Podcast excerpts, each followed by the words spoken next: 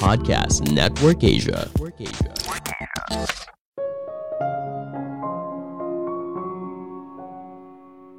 Uang ternyata bukan hanya sebagai alat tukar, tapi merupakan tanda sebuah hubungan antar manusia. Halo semuanya, nama saya Michael. Selamat datang di podcast saya, Sikutu Buku. Kali ini saya akan bahas buku How Would You Like to Pay karya Bill Maurer. Sebelum kita mulai, buat kalian yang mau support podcast ini agar terus berkarya, caranya gampang banget. Kalian cukup klik follow Dukungan kalian membantu banget supaya kita bisa rutin posting dan bersama-sama belajar di podcast ini. Buku ini membahas soal seluk-beluk uang. Dilihat dari kacamata sejarah, sebelum adanya uang, kita mengenal sistem barter, di mana kamu menukar barang dengan orang lain untuk mendapatkan sesuatu yang kamu inginkan. Tapi ternyata uang tidak hanya berfungsi sebagai alat tukar, dalam makna yang lebih dalam, uang ternyata memiliki fungsi yang beragam. Uang bisa jadi sebagai penanda sebuah hubungan antara kamu dan orang lain, uang bisa sebagai tanda kekuasaan, bahkan bisa dijadikan sebagai alat politik.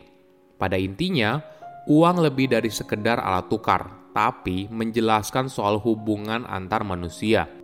Saya merangkumnya menjadi tiga hal penting dari buku ini –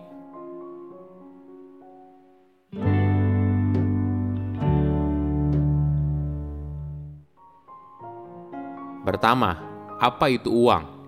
Di zaman dulu, sebelum adanya uang, jika kamu butuh sesuatu, maka kamu akan mencari seseorang yang punya sesuatu yang kamu inginkan, lalu kamu menukarnya dengan barang yang kamu miliki. Misalnya, kamu punya jagung dan butuh ikan, maka kamu harus mencari orang yang punya ikan dan butuh jagung. Lalu, kamu dan dia mulai menentukan berapa banyak jagung yang harus ditukar untuk seekor ikan. Ketika kamu dan dia mencapai kesepakatan, maka barulah terjadi barter. Saking rumitnya, untuk terjadinya sebuah barter, ibaratnya harus terjadi dua hal yang kebetulan. Artinya di momen saya butuh sesuatu, kamu punya sesuatu yang saya inginkan.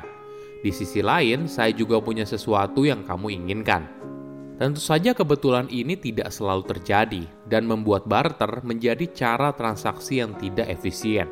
Ini adalah cerita awal dari uang yang akhirnya menjadi mediator dari pertukaran ini.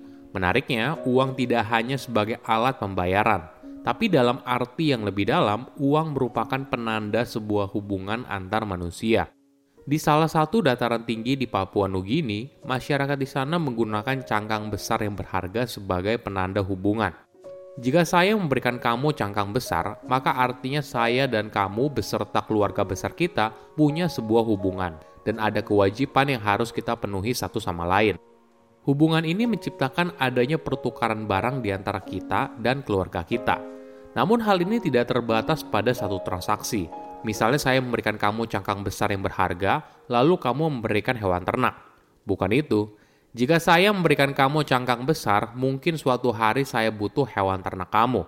Atau di hari yang lain, saya butuh bantuan kamu di sawah. Bisa juga kamu butuh bantuan saya.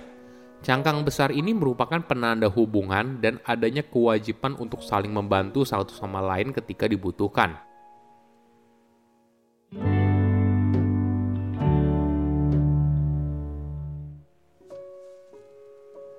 Kedua, uang menciptakan hubungan sosial.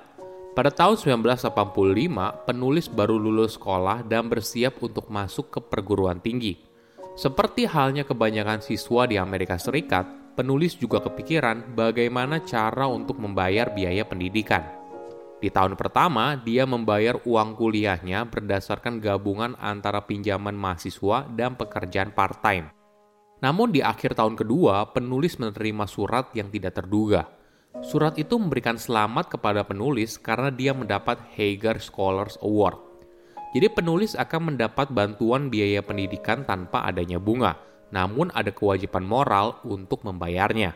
Awalnya dia bingung dan tidak mengerti frase tersebut, tapi akhirnya tetap diambil juga penghargaan itu.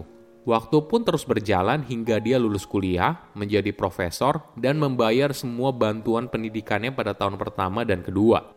Ketika dia pikir kalau kewajibannya sudah terpenuhi, penulis selalu teringat satu frase itu.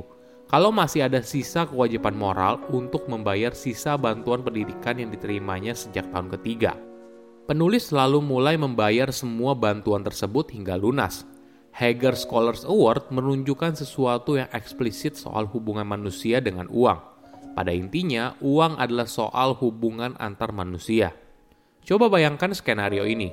Kamu memberikan sebuah hadiah kepada orang lain – di satu sisi, hadiah ini merupakan cara kita untuk memberikan sesuatu yang bagus kepada orang lain. Tapi secara implisit, saat kita memberikan hadiah, hal ini juga mengikat kita dan orang itu dalam sebuah hubungan. Dan kita berharap suatu saat orang itu akan membalasnya. Ini adalah sesuatu yang menarik soal hadiah. Ketika kita menerima sesuatu, ada kewajiban tidak tertulis untuk membalasnya.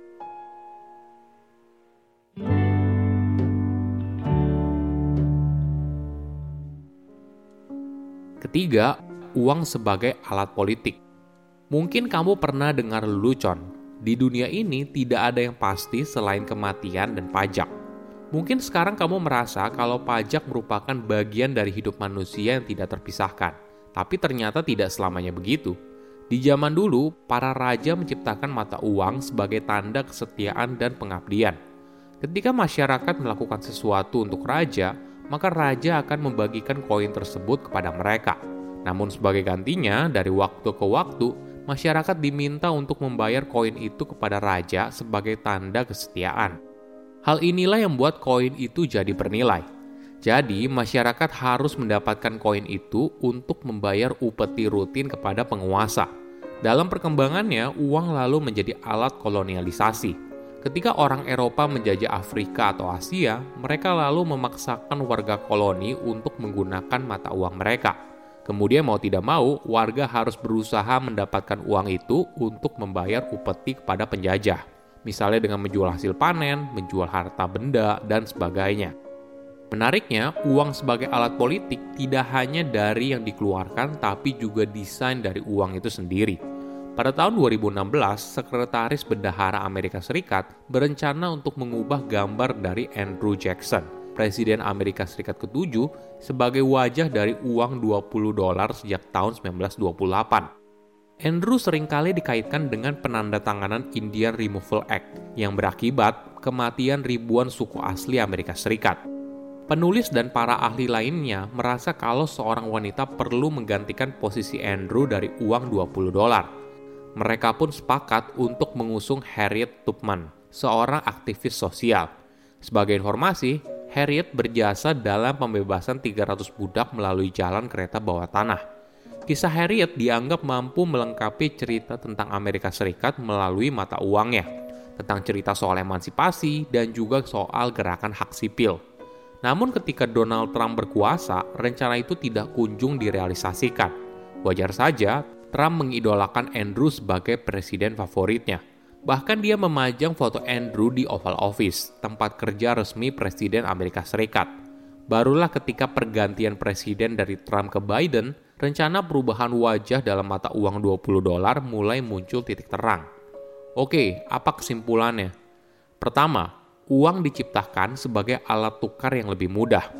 Sebelum adanya uang, kita menganut sistem barter, namun hal ini tidak efisien. Saking rumitnya, untuk terjadinya sebuah barter, ibaratnya harus terjadi dua hal yang kebetulan. Artinya di momen saya butuh sesuatu, kamu punya sesuatu yang saya inginkan. Di sisi lain, saya juga punya sesuatu yang kamu inginkan. Kedua, uang sebagai penanda sebuah hubungan. Ternyata uang tidak hanya sebagai alat pembayaran, tapi dalam arti yang lebih dalam, uang merupakan penanda sebuah hubungan antar manusia Misalnya di salah satu budaya masyarakat menggunakan cangkang besar sebagai penanda hubungan dan adanya kewajiban untuk saling membantu satu sama lain ketika dibutuhkan. Ketiga, uang menjadi alat kolonialisasi. Ketika orang Eropa menjajah Afrika atau Asia, mereka lalu memaksakan warga koloni untuk menggunakan mata uang mereka. Kemudian, mau tidak mau, warga harus berusaha mendapatkan uang itu untuk membayar upeti kepada penjajah misalnya dengan menjual hasil panen, menjual harta benda, dan sebagainya. Saya undur diri, jangan lupa follow podcast Sikutu Buku. Bye-bye.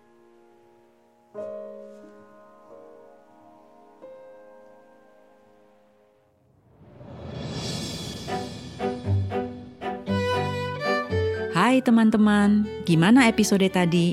Menarik ya? Setelah mendengarkan ini, sekarang saatnya kamu mampir ke podcast Warung Imaji. Di sana ada beragam dongeng beserta pembahasan informatif yang bermanfaat bagi dirimu dan keluargamu. Saya, Veronika Tan dari podcast Warung Imaji, menunggu kedatanganmu. Pandangan dan opini yang disampaikan oleh kreator podcast, host, dan tamu tidak mencerminkan kebijakan resmi dan bagian dari podcast Network Asia. Setiap konten yang disampaikan mereka di dalam podcast adalah opini mereka sendiri dan tidak bermaksud untuk merugikan agama, grup etnik, perkumpulan, organisasi, perusahaan, perorangan, atau siapa pun dan apa pun.